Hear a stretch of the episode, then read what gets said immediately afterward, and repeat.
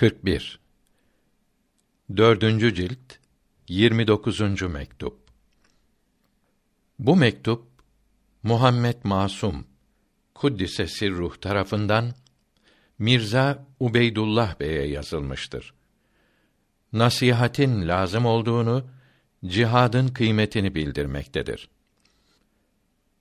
Bazıları zanneder ki tasavvuf kendi haline bakıp başkasına karışmamak, kimseye ilişmemektir. Bu doğru değildir ve dinde yara açmaya sebep olur. Böyle söyleyen acaba tasavvuf adamı ve tasavvufçu sözü deyince kimleri hatırlıyor?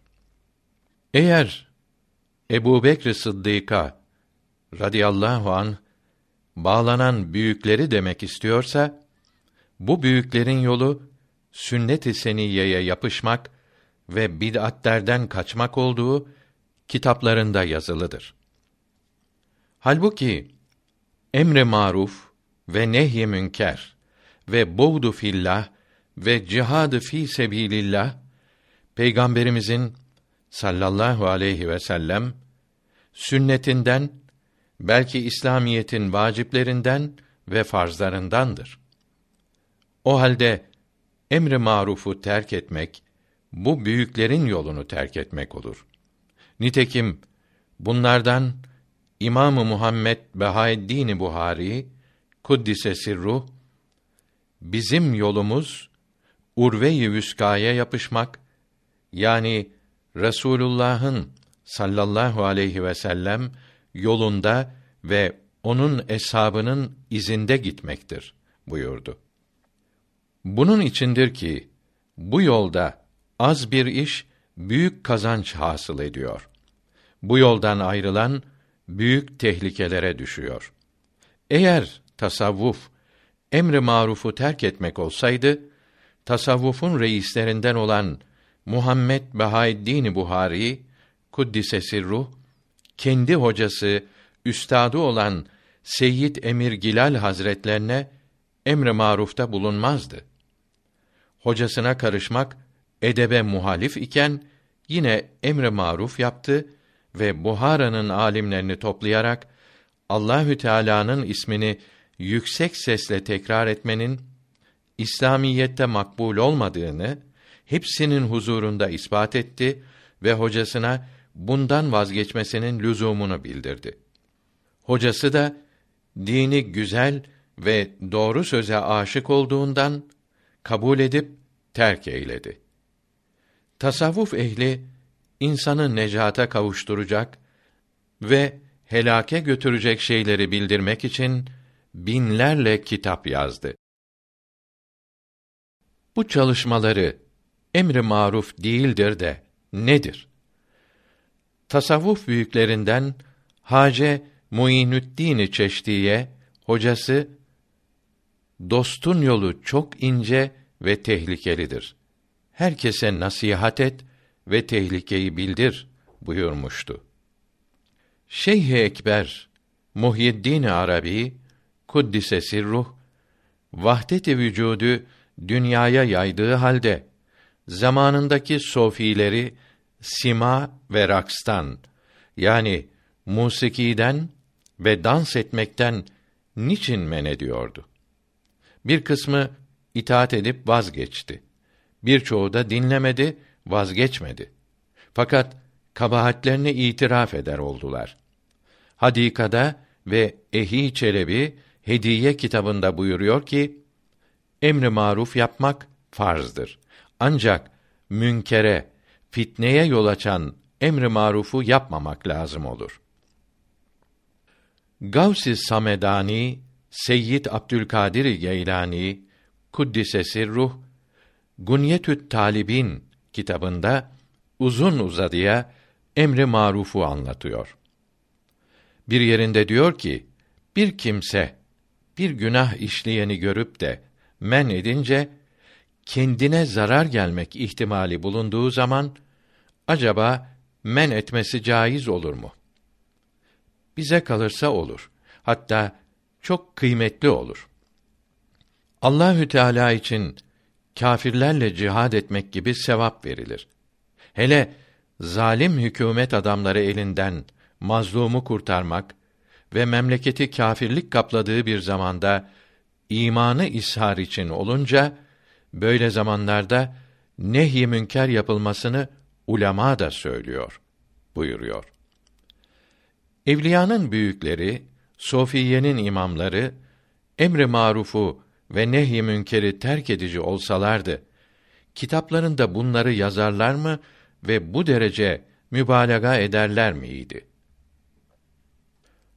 Abdülkadir Geylani Hazretleri buyuruyor ki: Kur'an-ı Kerim'e ve hadis-i şeriflere ve akla uygun şeylere maruf, bunlara uymayan şeylere münker denir. Hadikada dil afetlerini anlatırken buyuruyor ki: Nas ile ve müçtehitlerin söz birliğiyle yasak edilen şeylere münker denir. Bunun beheri iki kısımdır. Birinci kısım maruf ve münkerler meydanda olup alim olan ve olmayan bunları bilir. Beş vakit namaz kılmak, Ramazan-ı Şerif ayında oruç tutmak, zekat vermek, hac etmek gibi şeylerin farz olduğu maruf ve zina, alkollü içkilerin içilmesi, hırsızlık, yan kesicilik, faiz alıp vermek, başkasının malını gasp etmek ve bunlar gibi şeylerin haram olduğu münkerdir.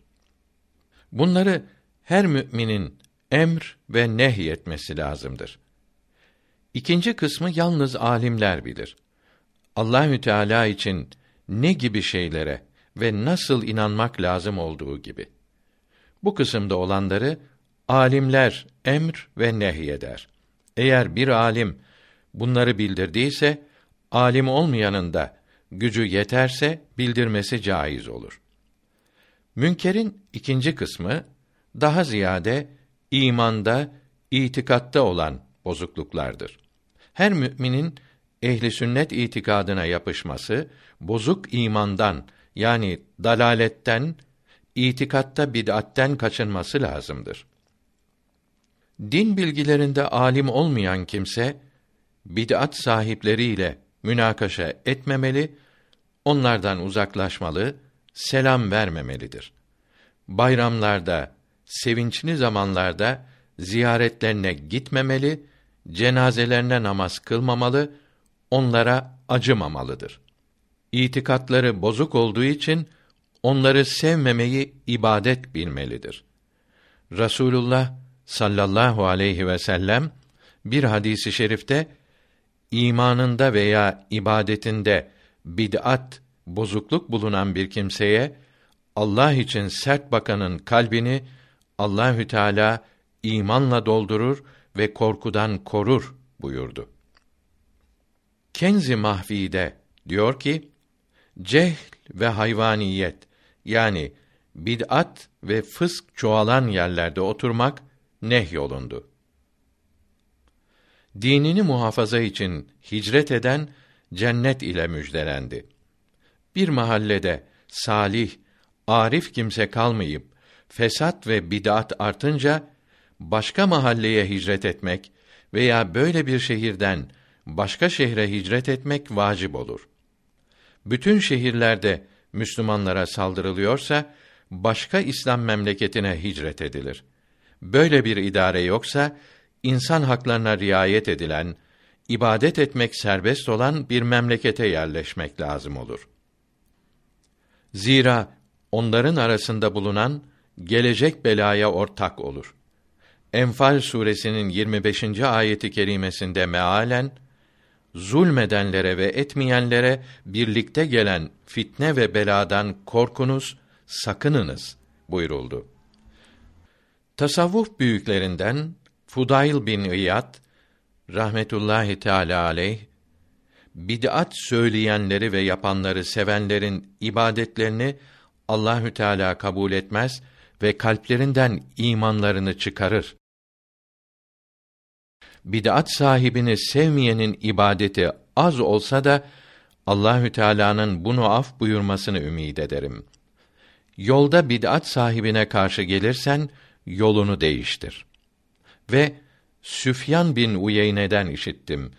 Buyurdu ki, bid'at sahibinin cenazesinde bulunan kimseye cenazeden ayrılıncaya kadar Allahü Teala gazap eder buyurdu. Peygamberimiz sallallahu aleyhi ve sellem bir kimse bir bid'at meydana çıkarsa veya bir bid'ati işlese Allahü Teala'nın ve meleklerin ve bütün insanların laneti onun üzerine olsun. Onun ne farzları ne de nafile ibadetleri kabul olmaz buyurdu. Abdülkadir Geylani'nin sözü burada tamam oldu. Sofiye-i Kiram'ın yolu kimseye karışmamak olsaydı bunların birisi Sofiye arasından nikar kalkınca bunlarda hayır kalmaz buyurmazdı. Şeyhülislam Hirevi Abdullah Ensari buyurdu ki: Sofiye arasında emri marufa ve nehy münkere nikar denir. Nikar kalkınca diyen Ebul Hasan Ali bin Muhammed müzeyyen olduğu Nefahat'te Ebu Said Harraz anlatılırken yazılıdır. Sofiye-i Aliye'ye bu suretle iftira eden düşünmüyor mu ki Kur'an-ı Kerim ve hadis-i şerifler kıyametteki sevaplar ve azaplarla doludur. Günah işleyenlere hazırlandığı bildirilen şiddetli azaplara inanan kimse din kardeşini bu tehlikeden kurtarmak istemez mi? Ona elim azaptan kurtulmak yolunu göstermez mi? Bir amanın yolunda kuyu veya ateş bulunursa yahut bir kimse başka bir dünya tehlikesine düşerse bunlar elbette bu kimseye bildirir ve kurtuluş yolunu gösterir. Kendi haline bırakmazlar. O halde daha elim ve şiddetli ve sonsuz olan ahiret azabını niçin bildirmesinler ve kurtuluş yolunu göstermesinler? Bildirmeyen ve göstermeyen ahiret azabını kabul etmiyor, inanmıyor ve kıyamet gününe iman etmiyor demektir.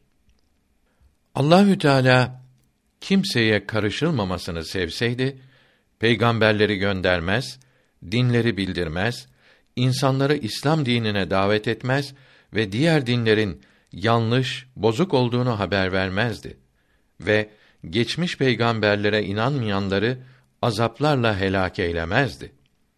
Herkesi kendi haline bırakır, kimseye bir şey emretmez ve inanmayanlara azap yapmazdı.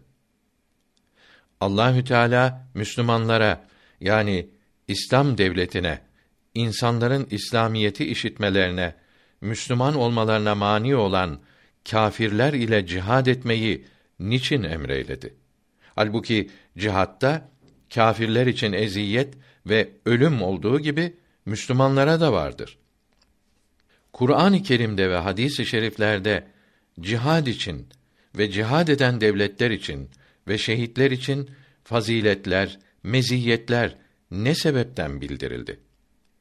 İslam düşmanlığı yapan zalim krallara saldırmak, onlara sıkıntı vermek ve Allahü Teala'nın bu mahluklarını harap etmek niçin emrolundu? Nitekim insana kendi nefsine düşmanlık etmesini ve nefslerin Allahü Teala'ya düşman olduğunu bildirdi ve nefs ile cihad etmeye cihadı ekber ismini verdi. Ve Allahü Teala neden rızasını ve yakınlığını bu cihada bağladı? Allahü Teala niçin nefsleri kendi başına bırakmadı? Demek ki bunlar Allahü Teala'nın düşmanlarıdır. Allahü Teala düşmanlarından intikam alınmasını istemektedir. Allahü Teala nihayetsiz merhametinden dolayı evvela peygamberleri aleyhimüs salavat ve teslimat sonra bunların yerine evliyayı ve ulemayı davetçi gönderdi. Bunların dilleri ve kalemleriyle sevaplarını ve azaplarını bildirerek özre ve bahaneye yol bırakmadı. Allahü Teala'nın iradesini ve adetini kimse değiştiremez. Hakikati bilmeyenlerin ve görmeyenlerin sözüyle nizamı alem bozulmaz. Allahü Teala isteseydi herkesi doğru yola hidayet eder, cennete sokardı. Fakat ezelde cehennemi insanla ve cinle doldurmak istedi.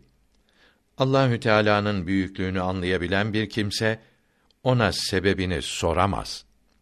Korkusundan ona kim ağız açabilir? Teslim olmaktan başka ne yapılabilir? Peygambere sallallahu aleyhi ve sellem tabi olan insanları davet etmekte ve emri maruf nehi münker etmekte de tabi olur. Bunları yapmayan ona tabi olmuş değildir. Azgın kâfirler Allahü Teala'nın düşmanı olmasaydı buğdu fillah farz olmazdı. İnsanı Allahü Teala'ya yaklaştıran şeylerin birincisi olmazdı. İmanın tamamlayıcısı olmazdı. Vilayetin ele geçmesine ve Allahü Teala'nın rızasının ve hubbunun husulüne sebep olmazdı. Peygamberimiz sallallahu aleyhi ve sellem ibadetlerin eftali Müslümanları Müslüman oldukları için sevmek, kâfirleri kâfir oldukları için sevmemektir buyurdu. Allahü Teala Musa aleyhisselama benim için ne işledin diye sordukta Ya Rabbi senin için namaz kıldım, oruç tuttum, zekat verdim, ismini çok zikrettim deyince Ya Musa namazların sana bürhandır. Oruçların cehennemden siperdir. Zekat kıyamet gününün sıcaklığından koruyan gölgedir. İsmimi söylemen de kabr ve kıyamet karanlığında seni aydınlatan nurdur. Yani bunların faydeleri hep sanadır. Benim için ne yaptın? buyurdukta Musa aleyhisselam Ya Rabbi senin için olan ameli bana bildir diye yalvardı. Cenabı Hak Ya Musa dostlarımı benim için sevdin mi ve düşmanlarıma benim için düşmanlık ettin mi?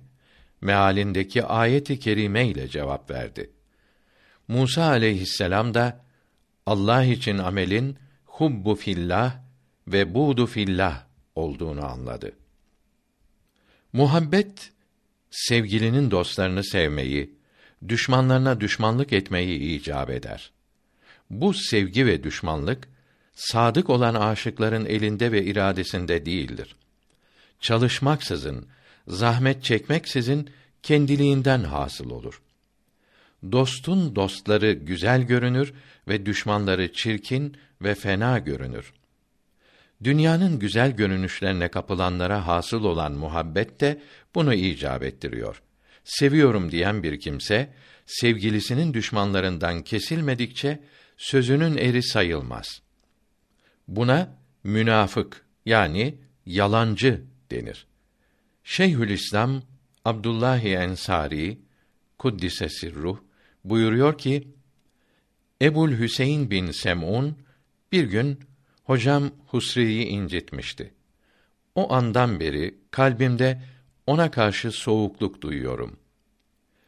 Büyüklerin meşhur olan üstadını incitene darılmaz, gücenmez isen köpek senden daha iyidir sözünü burada hatırlatmak yerinde olur. Muhabbetin bu iki şartı Kur'an-ı Kerim'de ve hadis-i şerifte bildirilmektedir.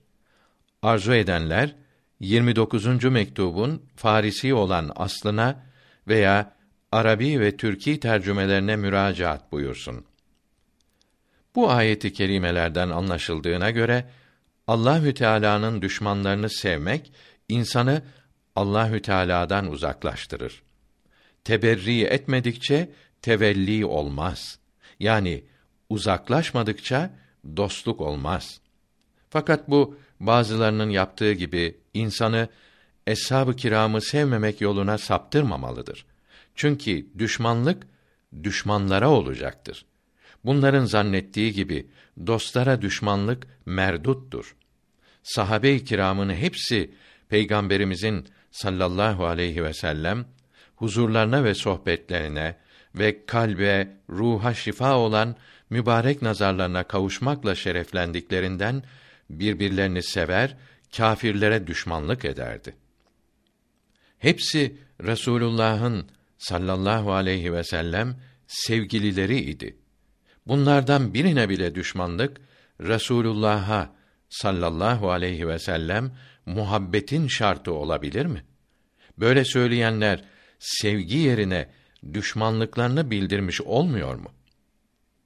Sual Evliya-i kiramdan kaddesallahu teala esrarehumül aziz vahdet-i vücut vardır diyenler bu dünyada her şey Allahü Teala'yı gösteren birer aynadır. Hepsinde Hak Teala'nın kemal sıfatlarından başka bir şey görünmüyor. O halde her şeyi iyi bilmek, her şeyi sevmek, hiçbir şeyi fena görmemek lazım gelmez mi? Nitekim mutlak fenalık yoktur cihanda demişlerdir. Felemenkli filozof Spinoza'nın Panteizm felsefesi Müslümanların vahdet-i vücut kitaplarından kopyadır. Cevap Kâfirleri sevmemek, onlara kalb ile düşmanlık etmek ve harbilere sert davranmak ve onlarla muharebe etmek Kur'an-ı Kerim'de açık olarak emredilmiştir. Bunda şüpheye imkan yoktur. Kâfirlerin aslı ne olursa olsun bizlere Kur'an-ı Kerim'e tabi olmak farzdır ve zaruridir. Bizim işimiz nas iledir. Fus ile değildir. Yani Kur'an-ı Kerim ve hadisi şerifler iledir. Evliyanın kitabı ile değildir. Mesela Muhyiddin Arabi Hazretlerinin Füsus kitabında bildirdiği Nassa muhalif keşfleri bize senet olamaz. Kıyamette cehennemden kurtuluş, saadet-i ebediyeye kavuşmak Nass'a bağlıdır. Fussa bağlı değildir. Hayaller, rüyalar, evliyanın kalplerine doğan keşfler ve ilhamlar nas yerine geçemez. Keşfi, ilhamı hatalı olanlar kendilerini nassa uydurmaya ve vicdan ve keşflerine uymasa dahi nas ile amel etmeye mecburdur. Bunlar doğru keşflerin hasıl olması için ve kalp gözlerinin peygamberlerin aleyhimüs salavatü vesselam ayaklarının tozları ile sürmelenmesi için Allahü Teala'ya durmadan yalvarmalıdır. Şunu da söyleyelim ki vahdeti vücut tanıyan evliya mevcudatı mertebelere ayırıyor. Her mertebenin hali ve hükmü başka başkadır diyor. İslamiyetin esası olan kesret yani çokluk ahkamını elden bırakmıyor. Bunu terk etmeyi ilhat ve zındıklık yani Müslümanlıktan ayrılmak biliyorlar. Emri maruf yapmak ve fasıkları ve kâfirleri fena bilmek diğer ahkâm-ı İslamiye gibi kesret ahkamı olduğundan bunları terk edenleri mülhit ve zındık bilmiş oluyorlar. Mutlak fenalık yoktur diyenlerin de nisbi bir bakımdan fenalık vardır demesi lazımdır. Kâfirleri fena bilmekteki ve onlardan uzaklaşmaktaki nisbi fenalık kâfidir. Vahdet-i vücut tanıyanlar zehir yemiyor. Başkalarının yemesine de mani oluyor. Akrebi, yılanı öldürüyor ve başkalarına bunlardan korkmalarını ve sakınmalarını söylüyorlar. Kendilerine itaat edenleri beğenip dinlemeyenleri, karşı gelenleri sevmiyorlar. Vahdet-i vücut sahiplerinin büyüklerinden Celaleddin Rumi kuddise sirruh Mesnevi'de bu söze inanmayanı şu anda görüyorum baş aşağı cehennemde buyuruyor. Bu büyükler tatlı yemekleri, leziz şerbetleri, nefis kumaşları, hazin sesleri, nazif kokuları, latif manzaraları, melih suretleri, tatsızlarından, çirkinlerinden daha çok istiyor ve seviyorlar. Kendilerine yakın olanları gözetiyor, bunları himaye ediyor, kendilerini ve bunları tehlikelerden koruyor, faydalı şeyleri çekip zararlı şeylerden kaçınıyorlar. İhtiyaçlarını elde etmeye uğraşıyorlar. Çocuklarını terbiye ediyorlar. Mühim işlerinde birbirlerine danışıyor ve kızlarını ve ailelerini açık gezdirmeyip yabancıların bunlara yaklaşmasına müsaade etmiyorlar. Çocuklarını fena arkadaşlardan koruyorlar. Zalimlere ve düşmanlarına cezalarını veriyor ve hastalarını zararlı gıdalardan perhiz ediyorlar. Bunlar vahdeti vücut mudur yoksa kesreti vücut mu? O halde bu alçak dünya işlerinde kesret ahkamına riayeti terk etmek mübah olduğu halde bunları gözetip de ahiret işlerinde bu ahkama riayet farz olduğu halde terk etmek ve vahdeti vücut hilesiyle kulluk vazifelerinden kurtulmak istemek insafa yakışır mı ve akla uygun olur mu? Bunun sebebi ahkâm-ı ilahiyeye inanmamak ve peygamberlere itikad etmemektir ve kıyamete ve kıyametteki azaplara ve nimetlere imansızlıktır. Vahdet-i vücut tanıyanlardan halleri doğru olanların dinlerindeki kuvvet, işlerinin ahkâm-ı İslamiyeye uygunluğu kitaplarda uzun uzadıya yazılıdır. Pederim ve üstadım, sebebi hayatım ve saadetim abdeste, taharette ve namazda pek ziyade dikkat ve edeplere riayet ederdi ve bunları babamdan görerek öğrendim. Her bir edebe bütün incelikleriyle riayeti kitaplardan öğrenmek kolay değildir buyururdu. Babaları yani bu fakirin dedesi Vahdet-i Vücut sahibi ve Füsus kitabının marifetlerinde eşi bulunmayan bir arif iken ahkâm-ı İslamiyeyi gözetmesi fevkalade çok idi. Kendileri bu davranışı üstadı Rükneddin Çeşdi Hazretlerinin hareketlerinden görerek öğrendiklerini, onun ise vahdet-i vücut evliyasının büyüklerinden olduğu ve hal ve keşflerine mağlup olduğu halde ahkâm-ı İslamiyeye yapışmakta ferdi kamil idiği herkesçe malum idi buyururlardı. Ubeydullah Ahrar Hazretleri vahdet-i vücuda mail oldukları halde ahkâm-ı İslamiyeye yapışmakta ve İslamiyeti yaymakta misli yok idi. Çok defa buyururdu ki: Eğer ben şeyhlik etseydim hiçbir şey kendisine talebe bulamazdı. Fakat şeyh olmak için değil, dini, İslamiyeti yaymak için emrolundum. Şeyh-i Ekber Muhyiddin Arabi hadis ilminde sahibi isnat ve fıkıh ilminde içtihat makamındaydı. Buyurur idi ki Peygamberimizin sallallahu aleyhi ve sellem hesaba çekilmeden evvel hesabınızı görünüz. Emirleriyle bazı meşayih her gün ve her gece yaptıkları işlerden kendilerini hesaba çekiyor. Ben hesapta onları geçtim ve işlediklerimle beraber düşündüklerimde de hesabımı görüyorum. Vahdet-i vücudun kurucusu ve reisi gibi olan Sultanül Arif'in Bayezid-i Bistami ve Seyyidü't Taife Cüneyd-i Bağdadi tepeden tırnağa kadar İslamiyete uymuş idiler. Bayezid namaz kılarken göğüs kemiklerinin hırıltısı işitilirdi. Hallacı Mansur'un sözlerini herkes işitmiştir. Bununla beraber her gece gündüzde bin rekat namaz kılardı ve idam olunduğu günün gecesinde 500 rekat kılmıştı. Marifetname'de diyor ki, evliyanın iki alameti vardır. Et-tazimü li emrillah ve şefakatü li halkillah. Yani Allahü Teala'nın emirlerine tazim ve hürmet ve mahluklarına şefkattir.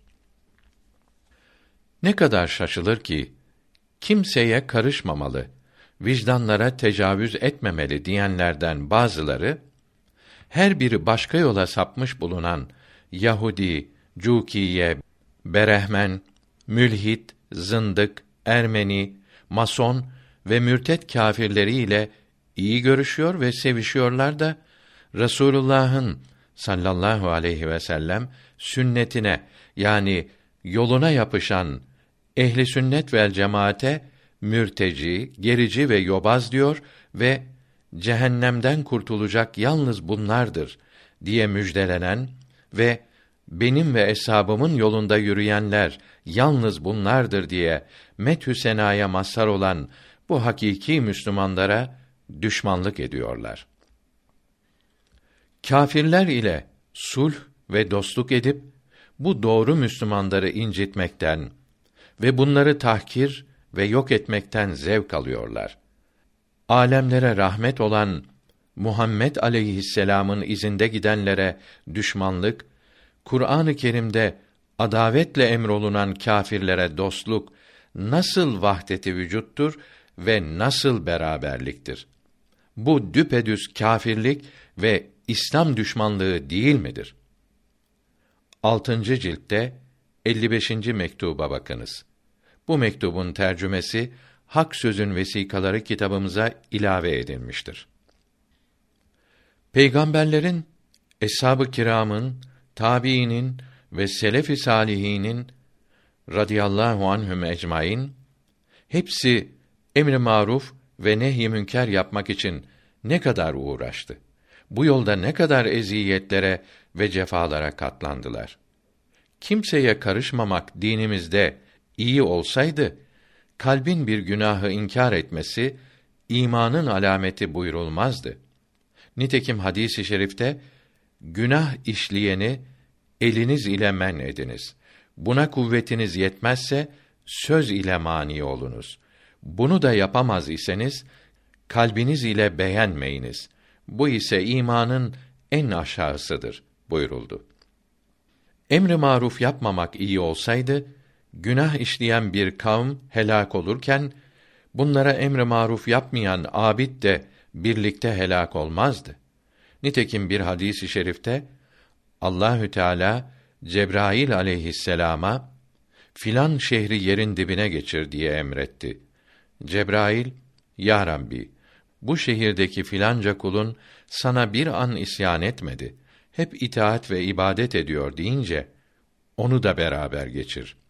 Zira günah işleyenleri görünce bir kerecik yüzünü değiştirmedi buyuruldu.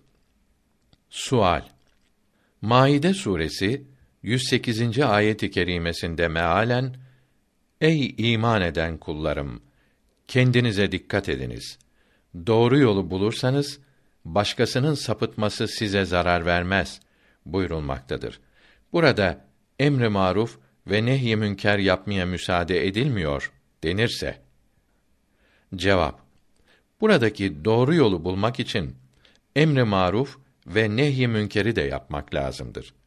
Yani ayet-i kerimede mealen ey mümin kullarım emrettiğim işleri ibadetleri yapar ve emri maruf ve nehy münker eder iseniz başkalarının yoldan çıkması size zarar vermez buyurulmaktadır.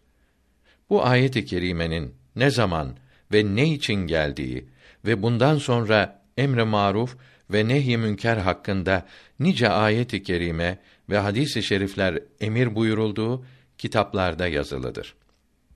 Sual Emri maruf ve nehy münker ve kâfirler ile cihat peygamberlerin yoludur. Evliyanın yolu vicdanlara dokunmamak, kimseye karışmamak değil midir? Cevap Bunlar nas ile farzdır. Farzlar herkes içindir. Bazı kimselere mahsus değildir. Farzları yapmakta peygamberler, evliya, alimler ve cahiller müsavidir. Tekrar söyleyelim ki cehennemden kurtulmak ve saadet ebediyeye kavuşmak peygamberlere tabi olmaya bağlıdır. Evliyanın vilayetten, muhabbetten, marifetten ve kurbi ilahiden ellerine her ne geçerse bunları peygamberlere tabi ve tufeyl olmak sayesinde kazanırlar. Bu yolun gayrısı dalalet yoludur, şeytanların yoludur. Abdullah İbni Mes'ud radıyallahu anhuma buyuruyor ki, bir gün Peygamber sallallahu aleyhi ve sellem bize bir doğru çizgi çizdi ve bu insanı Allahü Teala'nın rızasına kavuşturan doğru yoldur buyurdu. Sonra bu hattın iki tarafına balık kılçığı gibi eğik çizgiler çizip bunlar da şeytanların saptırdığı yollardır buyurdu. O halde bir kimse peygamberlere tabi olmadan doğru yolda yürümek isterse muhakkak iğri yola sapar. Eğer eline bir şeyler geçerse istidraçtır.